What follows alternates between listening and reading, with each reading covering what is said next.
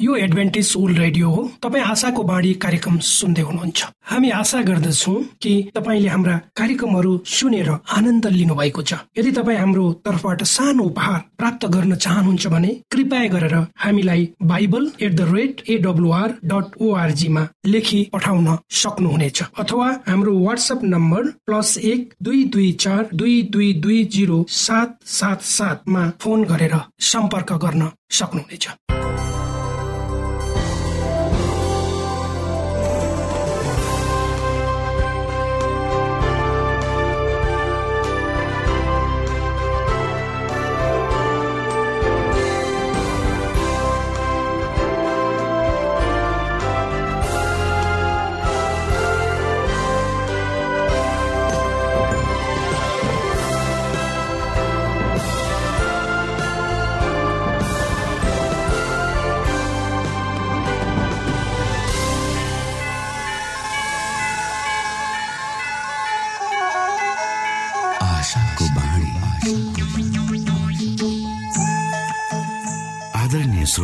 नमस्कार। यो समय तपाईँ एडभेन्टिस्ट ओल्ड रेडियोको प्रस्तुति भोइस अफ होप आशाको बाणी कार्यक्रम सुन्दै हुनुहुन्छ। कार्यक्रम प्रस्तुता म रवि यो समय तपाईँको साथमा छु। आदरणीय श्रोता लाखौं करोडौं ध्वनि तरङ्गहरूको बीचमा भरोसा योग्य आशाका आत्मिक सन्देश सहित आशाको बाणी कार्यक्रम तपाईँको सामु आइपुगेको छ। यी तरङ्गमा शक्ति छ यी तरङ्गमा जीवित परमेश्वरको अनुग्रह छ। यो कार्यक्रमलाई सुन्न रोज्नुहुने समस्त श्रोता वर्गमा हामी आभार व्यक्त गर्दछौ। आजको कार्यक्रमबाट यहाँले प्रशस्त आशिष पाउन सक्नु भएको होस्। यही शुभेच्छा व्यक्त गर्दै सधैँ झै हामी हाम्रो मूल विषयतिर जानु अगाडि सुनौ यो मधुर क्रिस्टीय भजन।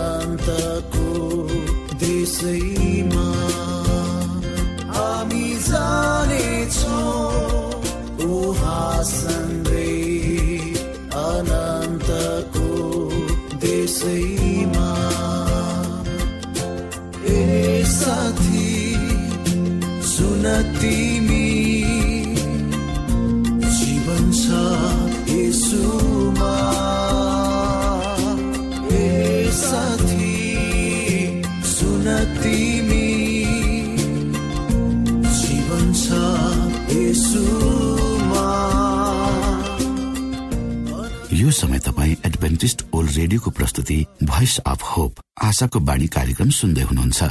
श्रोता मित्र यो समय हामी पास्टर उमेश पोखरेलबाट आजको बाइबल सन्देश सुन्नेछौ। श्रोता साथी न्यानो क्रिस्टीय अभिवादन साथ म तपाईँको आफ्नै मित्र तपाईँले मलाई दाजु भन्न सक्नुहुन्छ आफ्नो भाइ भन्न सक्नुहुन्छ छोरो भन्न सक्नुहुन्छ नाति भन्न सक्नुहुन्छ काका भन्न सक्नुहुन्छ पास्टर उमेश पोखरेल परमेश्वरको वचन लिएर पुनः तपाईँहरूको सामु उपस्थित भएको छ। मलाई आशा छ तपाईँका जीवनका पाइलाहरू निरन्तर रूपमा परमेश्वरको अगुवाईमा अगाडि बढ्दैछन्। आउनुहोस् आजको प्रस्तुतिलाई अगाडि बढाउनु भन्दा पहिले हामी परमेश्वरमा अगुवाईको लागि प्रार्थना गरौँ। जीवी जिउँदो महान दयालु परमेश्वर प्रभु यीशु हामी धन्यवादी छौँ। यो जीवन र यो जीवनमा दिनुभएका प्रशस्त आशिषहरूको लागि।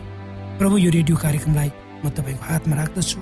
यसलाई तपाईँको राज्य महिमाको प्रचारको खातिर निरन्तर रूपमा देशका कुना कुनामा र संसारमा पुर्याउनुहोस्।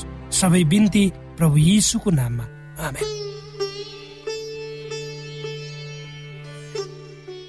श्रोता मित्र हिजोको प्रस्तुतिमा हामीले परमेश्वर र मानिससँग उहाँको सम्बन्धको विषयलाई लिएर। श्रोता मित्र हामीले हिजोको प्रस्तुति मानिस र उसको परमेश्वरसँगको सम्बन्धको विषयलाई लिएर प्रस्तुत गर्यौं र आजको प्रस्तुति पनि त्यसैको सेरोफेरोमा रहेर हामी अगाडि बढाउनेछौँ।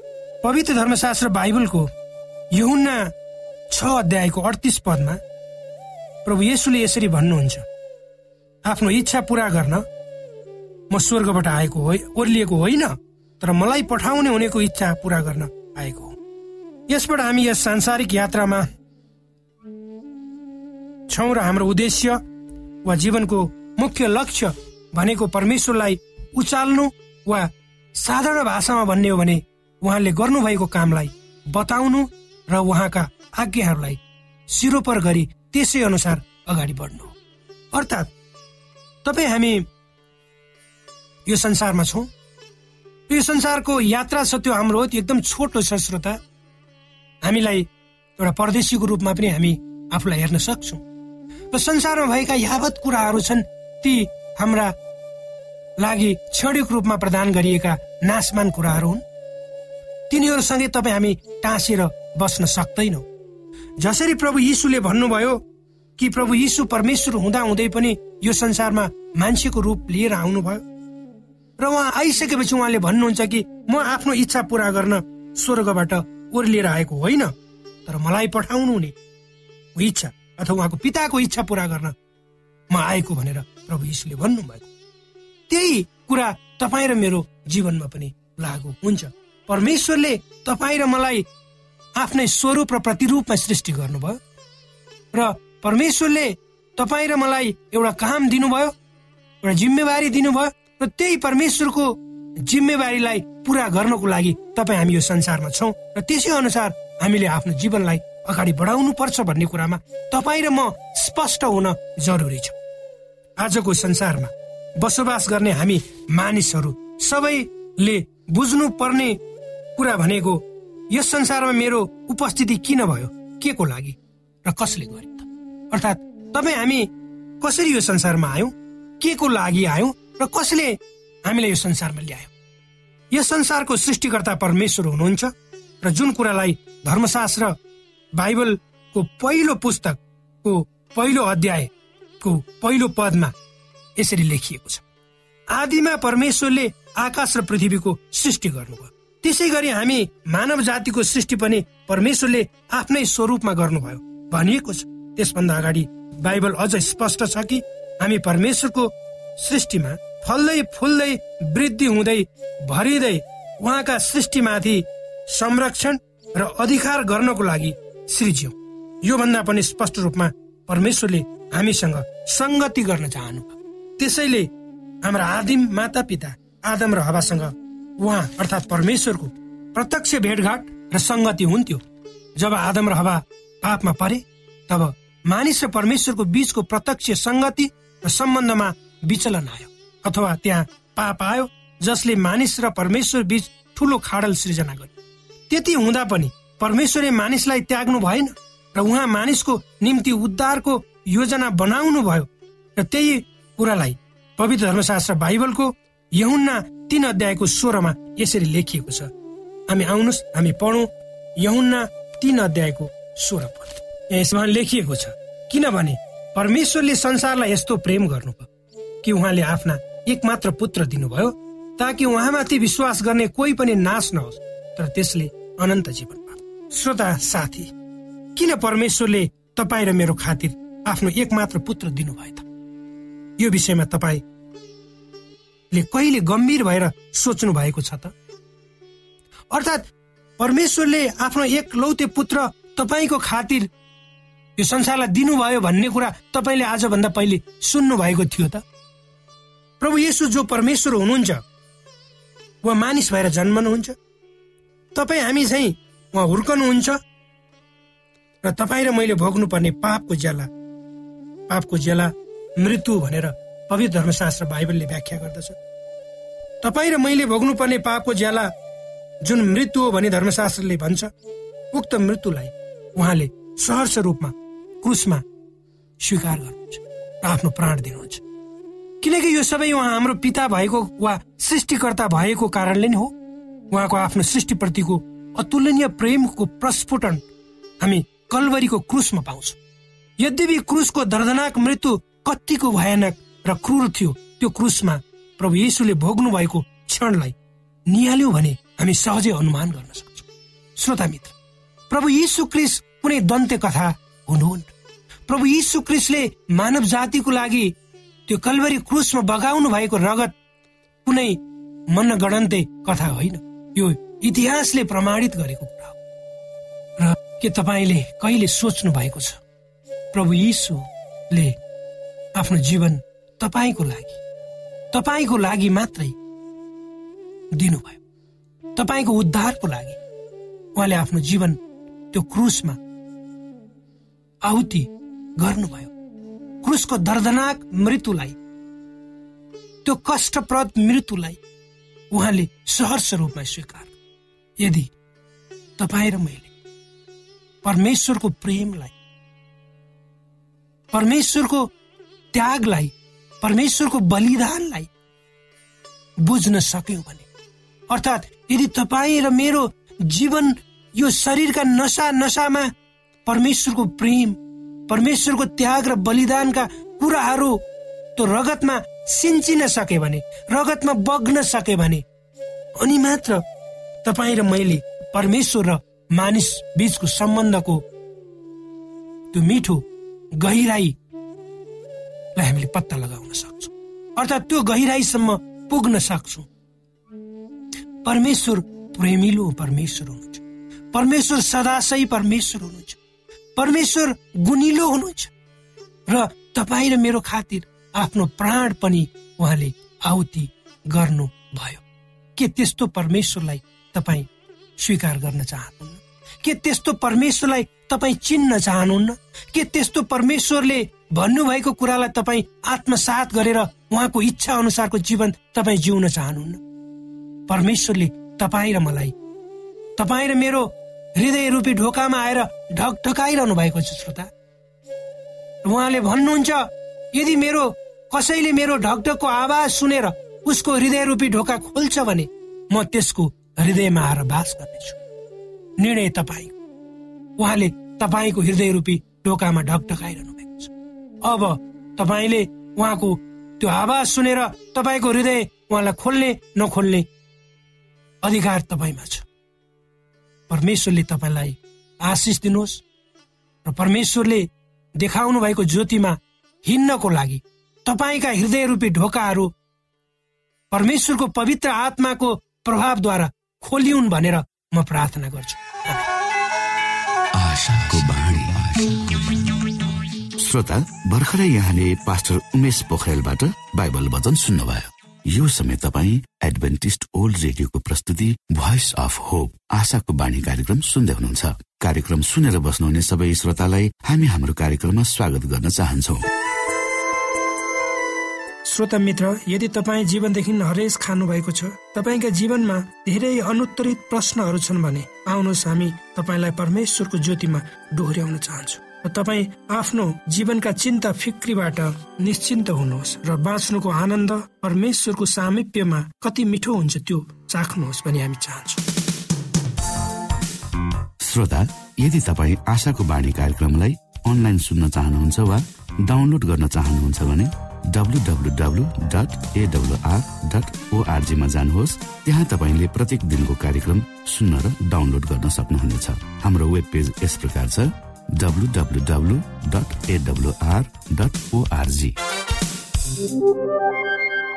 श्रोता यदि तपाईँ हामीसित सिधै फोनमा सम्पर्क गर्न चाहनुहुन्छ भने हाम्रा नम्बरहरू यस प्रकार छन्। अन्ठानब्बे एकसाठी पचपन्न शून्य एक सय बिस। अन्ठानब्बे एकसाठी पचपन्न शून्य एक सय बिस। र अर्को अन्ठानब्बे अठार त्रिपन्न पन्चानब्बे पचपन्न। अन्ठानब्बे अठार त्रिपन्न पन्चानब्बे पचपन्न। यो आशाको बाणी रेडियो कार्यक्रम हो। म धनलाल राई यहाँहरूलाई यस कार्यक्रममा न्यानो स्वागत गर्दछु। श्रोता उद्देश्य प्रेरित पुनर्जन्म देश देशभरका आत्मा परिवर्तित कथाहरूमा आजको कथा योग र ध्यानमा नपाएको शान्ति गुस्टाभो जिभियर काबालेरो पराग्य दक्षिण अमेरिका।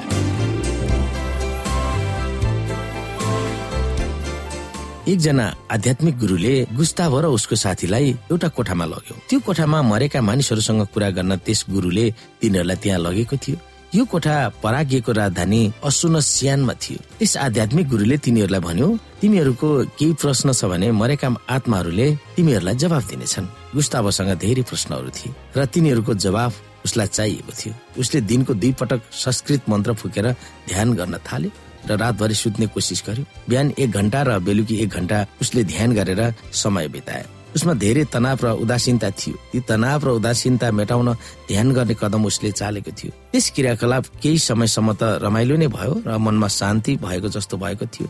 तर ध्यान पछि उसमा भएको तनाव झन् सयौं गुणा ज्यादा बढेर पायो। मरेका मानिस भनाउँदाहरूसँग कुराकानी गर्न लाग्दा उसलाई धेरै धक्का भएको महसुस गर्यो। उसले अनेकौं चाक्ली र डरलाग्दो आवाजहरू सुन्यो। त्यहाँ चिच्याएका आवाजहरू थिए। मानिसहरू हिँडिरहेका र गायब भएको उसले देख्यो। यिनी त शैतानका दूतहरू वा दुष्ट आत्मा हुन् भनेर उसले सोच्यो। तिनीहरूदेखि गुस्ताबो तर्सिन थाल्यो। गुस्ताबो डराएको देखेर त्यो गुरुले भन्यो नडराउ तिनीहरूले तिमीलाई केही गर्दैनन्। तिनीहरूले तिम्रो दिमाग र मनलाई मात्र जाँच्नेछन्। त्यो अनुभव पछि गुस्ताबोले आफ्नो जीवनलाई पछाडि फर्केर हेर्यो उसका बाबु आमा आइतबार चर्चमा जान्थे। छिमेकीको अनुरोध पछि उसलाई सेभेन एडभान्टेज स्कुलमा बाह्र वर्षको उमेरमा उनलाई भर्ना गरिएको थियो। त्यस स्कुलमा हुने बाइबल कक्षाहरूमा उसको चासो थिएन जसो तसो उसले त्यस स्कुलमा बाह्र कक्षा सिद्ध्यायो त्यस स्कुलबाट निस्केको एक वर्षपछि बाहिरका साथीहरूले उसलाई नराम्रो बाटोमा हिँडाए।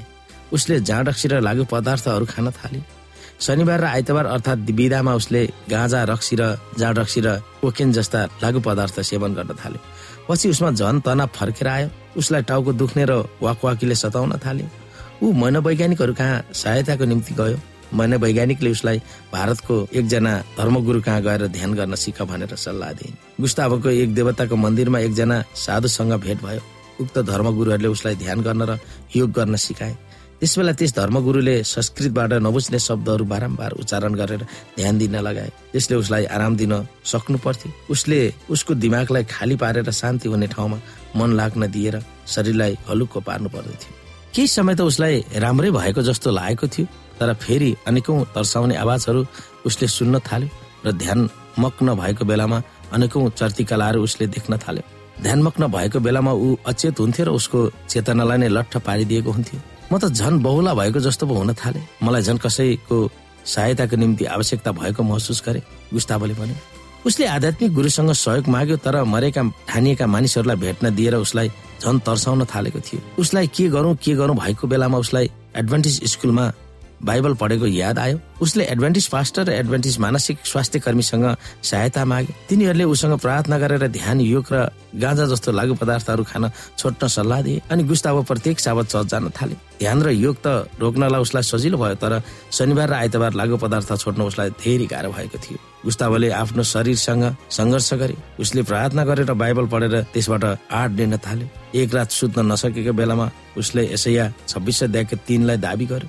त्यसमा भनिएको छ तपाईँले उसलाई सिद्ध शान्तमा राख्नुहुनेछ जसको दिमाग तपाईँमा राख्दछ किनभने उसले तपाईँमाथि भरोसा राख्दछ। उसले फिलिपी चार अध्यायको तेह्रको प्रतिज्ञालाई पनि दावी गर्यो।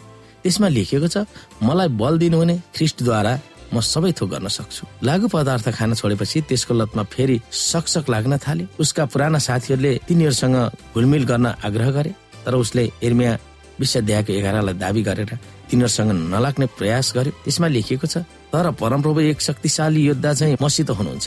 यसैले मलाई सताउनेहरू ठेस खाएर लड्नेछन् तिनीहरू ममाथि विजय हुने छैनन् तिनीहरू सफल हुने छैनन् र तिनीहरू साह्रै लाजमा पर्नेछन् तिनीहरूको अनादर कहिल्यै बिर्सिने छैन। गुस्तावले आफ्नो हृदय यीशुलाई दियो र चौतिस वर्षको उमेरमा उसले बत्तिसमा लियो। म मेरो पीडालाई निको पार्ने कसैको खोजीमा थिएँ कोही मानिस छ कि भनेर मानिसको पछि लागे। चर्चमा म परमेश्वरको छोरो हुँ भनेर मैले ज्ञान पाएँ। उहाँले मेरो जीवनलाई स्वतन्त्र पार्नुभयो। बत्तिसमा पछि इसाई ध्यानको बारेमा भिडियो हेरे र त्यस अनुसार चल्ने उसले निर्णय गर्यो। त्यसमा पहिले उसले योग र ध्यान गर्दा सिके जस्तो ध्यान गर्ने तरिका लाग्यो। संस्कृतका लवचहरू दोहोऱ्याउनुको सट्टा बाइबलमा भएका वचनहरू दोहोऱ्याउनु पर्दथ्यो। त्यसको नतिजाले उसलाई झन धक्का भयो। मेरो दिमागलाई मैले नियन्त्रण गर्न सकिनँ र पहिलाको जस्तै मेरो दिमाग खाली भएको जस्तो लाग्यो। मेरो शरीरभित्र तागत आएको जस्तो लागेर धेरै आवाजहरूले मलाई के के गर्ने भनेर भन्न थाले उसले भन्यो। एउटा आवाजले भन्यो अरूलाई पनि ध्यान गर्न भन्। अर्को आवाजले भन्यो मन्दिरलाई पैसा देऊ। तेस्रो आवाजले भन्यो रिकार्डोको नाउँमा ध्यान गर। रिकार्डोलाई बल पाउन ध्यान गर। रिकार्डो भन्ने को मानिस थियो? उसलाई थाहा थिएन। उसले ध्यान गर्दा गर्दा ऊ लट्ठ हुन लागेको थियो। ऊ कठ्याङ्ग्रिएको जस्तो भयो र चल्न पनि सकेन। जसो तसो त्यस स्थितिबाट ऊ निस्क्यो। त्यसपछि उसका धेरै साथीहरूले उसलाई भने कि ती आवाजहरू उसका पुरानै आवाजहरू थिए जुन उसले योग र ध्यानमा सिकेका थिए। गुस्तावले त्यसरी ध्यान कहिले नगर्ने निर्णय गरे। बरु बाइबल पढेर परमेश्वरको वचनमा ध्यान दिन थाल्यो तर पहिला योग र ध्यान गरेको जस्तो होइन। त्यो ठाउँ त खतरा ठाउँ रहेछ। परमेश्वरले त्यस खालको ध्यान गर्न अगुवाई गर्नुहुन्न। योग जस्ता ध्यानहरू पनि मानिसहरूलाई परमेश्वरबाट छल्ने औजार भएको उसले निष्कर्ष निकाल्यो। जब योग गर्दा आफूलाई राम्रो भएको अनुभव हुन्छ तब कसैले पनि बाइबल पढ्ने आवश्यकता देख्दैन। न त यसुलाई आफ्नो जीवनमा रोज्ने अवसर नै। आत्माहरूले तपाईँको शरीरमा काम गरिरहेको तपाईँले ठान्नुहुन्छ र त्यति भए पुग्छ भनेर तपाईँ सोच्नुहुन्छ उसले भने। गुस्ताब किताब बेचेर सुसमाचार सुनाउँछन् र आसुन सियानमा मसाज गर्ने काम गर्छ न्यु वा सायनिया सेभेन एडभान्टेज चर्चले सञ्चालन गरेको सामुदायिक केन्द्रमा सक्रिय सहभागी भएको छ। आफ्ना छिमेकीहरूलाई लागु पदार्थ र ध्यानले जीवनलाई अर्थमूलक बनाउन सहयोग गर्दैन भनेर उसले सुनाउँछन्। ध्यान गर्दा केही समय त रमाइलो हुन्छ तर पछि झन आफू रित्त भएको महसुस हुन्छ। त्यसकारण जीवनको लागि एउटै समाधान छ त्यो हो यसु जब तपाईँ प्रार्थना गर्नुहुन्छ तब तपाईँलाई हलुको हुन्छ। त्यो नै साँच्चीकै शान्ति हो। ढुक्क हुँदै गुस्तावले सुनाउँछन्।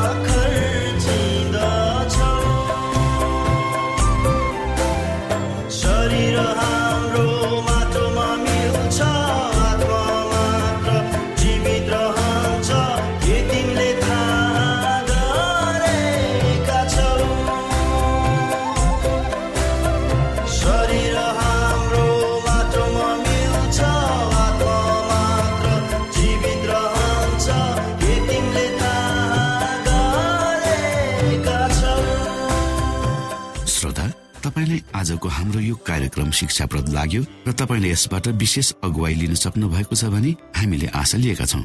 हामीसँग पत्राचार गर्ने हाम्रो ठेगाना यस प्रकार छ। आशाको बाणी पोस्ट बक्स नम्बर दुई शून्य शून्य शून्य दुई काठमाडौँ नेपाल।